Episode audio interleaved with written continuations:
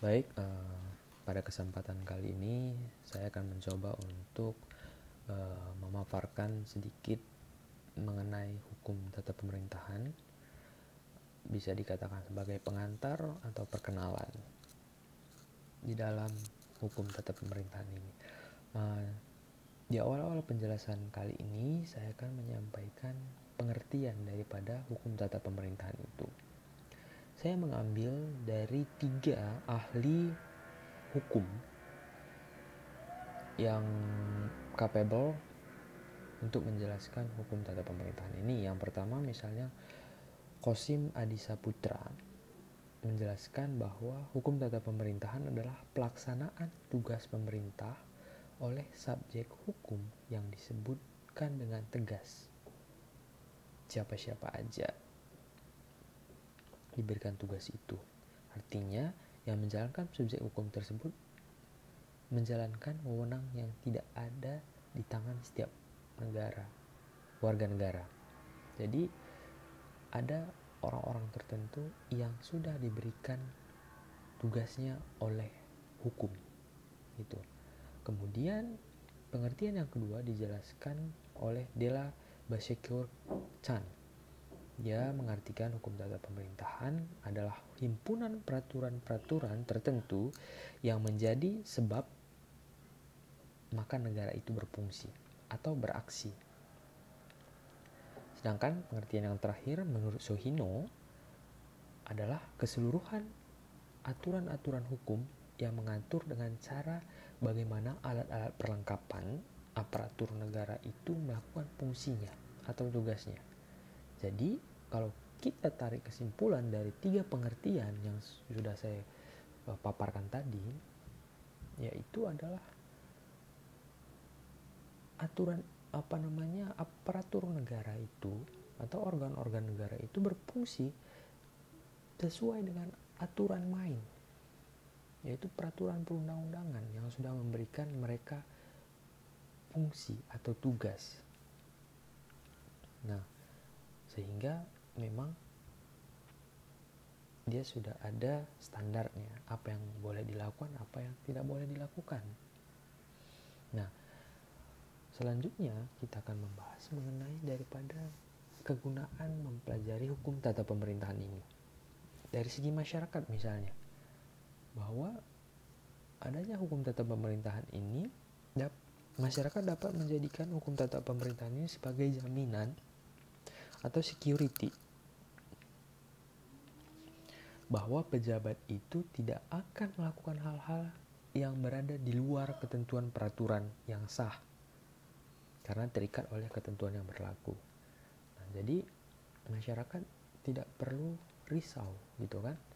Karena sudah ada aturan main daripada apa namanya eh, tugas-tugas uh, yang harus dijalankan oleh pemerintah. Nah, sedangkan dari segi pejabat, hukum tata pemerintahan ini merupakan pedoman atau pegang bertindak dan sah secara hukum gitu. Jadi tidak mungkin ada tuntutan dari masyarakat atau gugatan dari masyarakat ketika dia sudah menjalankan aturannya, aturan mainnya atau pedoman. Nah, tapi konsekuensinya jika memang dia bekerja di luar daripada pedoman itu maka masyarakat bisa komplain gitu melalui mekanisme yang ada. Nah, sehingga ketika pemerintah menjalankan fungsi dan tugasnya berdasarkan undang-undang atau berdasarkan aturan atau berdasarkan pedoman secara hukum, maka akan ada keadilan yang terjadi. Kemudian kemanfaatan dan ada kepastian hukum di sana dari setiap eh, tindakan-tindakan uh, yang mereka lakukan gitu. Jadi pada akhirnya masyarakat akan bahagia gitu kan. Masyarakat akan senang ketika pemerintahnya bisa apa namanya mendeliver atau menyampaikan keadilan, kemanfaatan dan kepastian hukum dalam setiap tugas yang mereka kerjakan gitu kan. Hubungan hukum dapat dibedakan menjadi dua di dalam hukum tata pemerintahan ini. Misalnya pertama hubungan hukum antara alat perlengkapan negara yang satu dengan alat perlengkapan negara yang lainnya. Jadi seperti yang kita ketahui bahwa pemerintah secara luas itu eksekutif pemerintah secara luas itu eksekutif, yudikatif dan legislatif. Dalam hukum tata pemerintahan kita akan melihat dari skup eksekutif. Eksekutif itu misalnya dari presiden, kemudian menteri, sekretaris jenderal, sekjen gitu kan. Nah, itu semua ada hubungan yang diatur dalam hukum tata pemerintahan. Ada kementerian A, kementerian B, seperti itu. Kemudian hubungan hukum antara alat perlengkapan negara dengan orang perseorangan. Nah, artinya hubungan pemerintah dan individu maupun badan hukum Nah, jadi hukum tata pemerintahan ini dapat dijadikan sarana bagi penguasa untuk mengatur dan mengendalikan masyarakat. Kemudian mengatur cara-cara partisipasi warga negara. Nah, jadi selain itu misalnya perlindungan hukum bagi masyarakat menetapkan norma-norma fundamental bagi penguasa untuk pemerintahan yang baik. Nah, artinya sebenarnya pemerintahan dan yang diperintah atau rakyat itu sangat erat kaitannya ya kan saling berkaitan artinya ketika semakin banyak campur tangan pemerintah berarti semakin banyak aturan hukum tata pemerintahan. Nah jadi segala macam kegiatan yang dilakukan oleh warga negara akan memperoleh pembatasan dari hukum tersebut. Namun di sisi lain uh, juga mendapat dorongan dengan bantuan campur tangan pemerintahan itu gitu kan. Jadi masyarakat tidak dibiarkan sendiri di dalam mencapai tujuannya gitu misalnya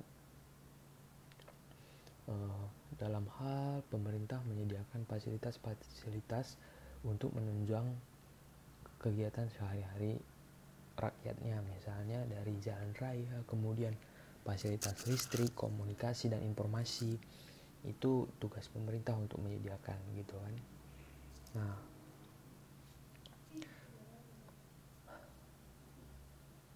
nah jadi ya pemerintah sebagai penyelenggara negara mempunyai berbagai tugas tergantung beberapa hal atau dasar landasan tindakan pejabat tersebut misalnya Nah, kebutuhan yang dirasakan oleh masyarakat misalnya di aspek ketenaga kerjaan, perumahan, pendidikan, kesehatan. Nah, jadi pemerintah ikut campur melalui undang-undang. Kemudian sarana-sarana keuangan dan kemungkinan lain yang tersedia. Misalnya eh, menyediakan insentif atau penyediaan dana bagi pendidikan, kemudian pengangguran dengan penarikan pajak gitu kan, pembiayaan pengangguran dengan penarikan pajak. Nah, tanggap kemudian tanggapan di bidang politik tentang kebijaksanaan negara yang diinginkan, misalnya uh, pemerintah harus menyiapkan peraturan untuk menanggulangi isu-isu politik yang bergejolak di masyarakat, misalnya undang-undang pemilu, undang-undang HAM. Nah, di sisi lain secara eksternal ada juga kewajiban di tingkat internasional. Misalnya undang-undang tentang penghapusan segala bentuk diskriminasi terhadap perempuan kemudian anak itu ada juga HTP ini memiliki sangat erat kaitan dengan ilmu-ilmu lain misalnya ilmu pemerintahan yaitu ilmu yang membicarakan perbuatan pemerintah di dalam penyelenggaraan pemerintahan. Nah, dalam rangka perbuatan itu dapat saja terjadi akibat-akibat yang beraspek hukum. Maka dalam hal itu ini menjadi lapangan kerja daripada hukum tata pemerintahan. Kemudian kaitan hukum tata pemerintahan dengan ilmu politik misalnya ilmu politik sangat relevan dengan hukum tata pemerintahan. di mana ilmu politik mengkaji kekuasaan sebagai salah satu kajiannya, ya kan? Hal ini disebabkan karena melalui aturan-aturan hukum tata pemerintahan dapat dicegah terjadinya penyalahgunaan kekuasaan atau penyalahgunaan hak di mana kedua konsep ini menjadi bagian menjadi materi dari hukum tata pemerintahan. Subjek hukum tata pemerintahan sebagaimana kita ketahui, subjek hukum dimaksud sebagai pendukung hak dan kewajiban dalam rangka hukum tata pemerintahan. Subjek hukum Misalnya pegawai negeri dapat dikategorikan sebagai subjek hukum, jabatan-jabatan, jawatan publik, dinas publik, badan usaha milik negara dan daerah, daerah swapraja, daerah swantara, dan yang paling tinggi adalah negara. Itu.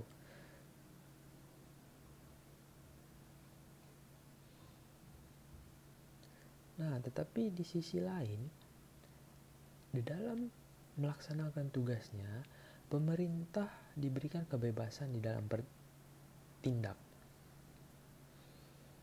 Nah, ini ada hal-hal yang melatar belakangi kenapa kemudian pemerintah diberikan kebebasan dalam bertindak. Nah, bentuk-bentuk tindakannya itu misalnya praise emerson atau kemerdekaan bertindak aparat negara atau pemerintah eksekutif untuk menyelesaikan masalah masalah yang timbul dalam keadaan kegentingan yang memaksa, di mana peraturan penyelesaian undang-undang masalah penyelesaian untuk masalah itu belum ada. Jadi ada kekosongan hukum di sana, sehingga dibutuhkan pemeran pemerintah untuk menyelesaikannya.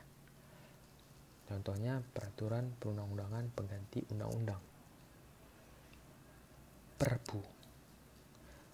Misalnya akhir-akhir ini uh, ketika masyarakat bergejolak karena adanya tuntutan masyarakat untuk membubarkan undang-undang tindak pidana korupsi terbaru, pemerintah Jokowi dipaksa untuk mengeluarkan peraturan perundang-undangan. Dan kemudian ada peraturan perundang-undangan organisasi kemasyarakatan atau ormas, ya kan? Kemudian yang kedua, delegasi perundang-undangan. Pemerintah diberi kekuasaan untuk membuat peraturan organik pada undang-undang. Pembuat undang-undang pusat tidak dapat memperhatikan masalah secara rinci yang timbul di seluruh wilayah negara. Maka sesuai sifatnya, suatu undang-undang atau pembuat undang-undang pusat hanya membuat peraturan secara garis besar saja. Gitu. Nah, jadi pemerintah diberi tugas untuk menyesuaikan peraturan-peraturan yang dibuat badan legislatif dengan keadaan yang konkret di masing-masing wilayah negara. Pemda ataupun otonomi daerah khusus, otonomi daerah. Misalnya eh, pembentukan PTUN di daerah-daerah sesuai Undang-Undang Nomor 5 Tahun 1986 tentang PTUN. Kemudian yang terakhir adalah draw function yaitu kemerdekaan seorang pejabat aparatur negara atau pemerintah untuk tidak berdasarkan delegasi yang tegas dalam menyelesaikan suatu persoalan yang konkret.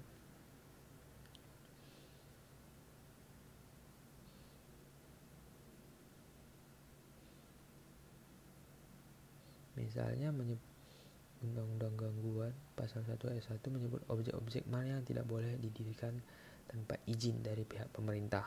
Hal ini karena dapat menimbulkan bahaya, kerugian, dan gangguan. Nah, jadi kenapa kemudian pemerintah ini diberikan kebebasan bertindak? Ada alasan-alasan yang mendasari. Nah, misalnya eh, yang pertama eksekutif lebih mengenal karakter masyarakat dan daerahnya. Jadi pemerintah diyakini mampu dan sudah mengetahui karakter permasalahan yang muncul di tengah-tengah masyarakatnya itu sendiri. Nah, sedangkan yang kedua, apabila hak kebebasan bertindak diberikan kepada legislatif, maka hal ini pasti akan membutuhkan waktu yang sangat lama. Ya, seperti yang kita ketahui di legislatif itu tidak hanya satu orang saja, tetapi berbagai praksi ada di legislatif. Maka ketika uh, diberikan kewenangan untuk mengambil tindakan maka pasti akan menimbulkan pro dan kontra. Misalnya harus melalui mekanisme musyawarah mufakat atau voting. Nah masih banyak mekanisme yang harus dilalui. Nah pilihan terakhir nah apabila hak istimewa kebebasan bertindak diberikan kepada yudikatif maka ada dilema yang muncul. Nah badan peradilan diberikan kewenangan untuk bertindak maka ketika putusan keputusan itu keluar gitu kan.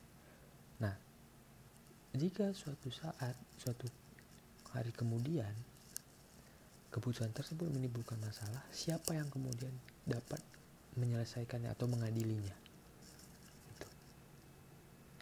Ya, jadi tidak mungkin keputusannya sendiri diproses oleh lembaga itu sendiri gitu. Jadi yang paling tepat memang eksekutif yang diberikan kebebasan untuk bertindak. Nah mungkin itu dulu materi yang dapat saya sampaikan. Semoga bermanfaat untuk kita semua. Sampai ketemu lagi. Terima kasih.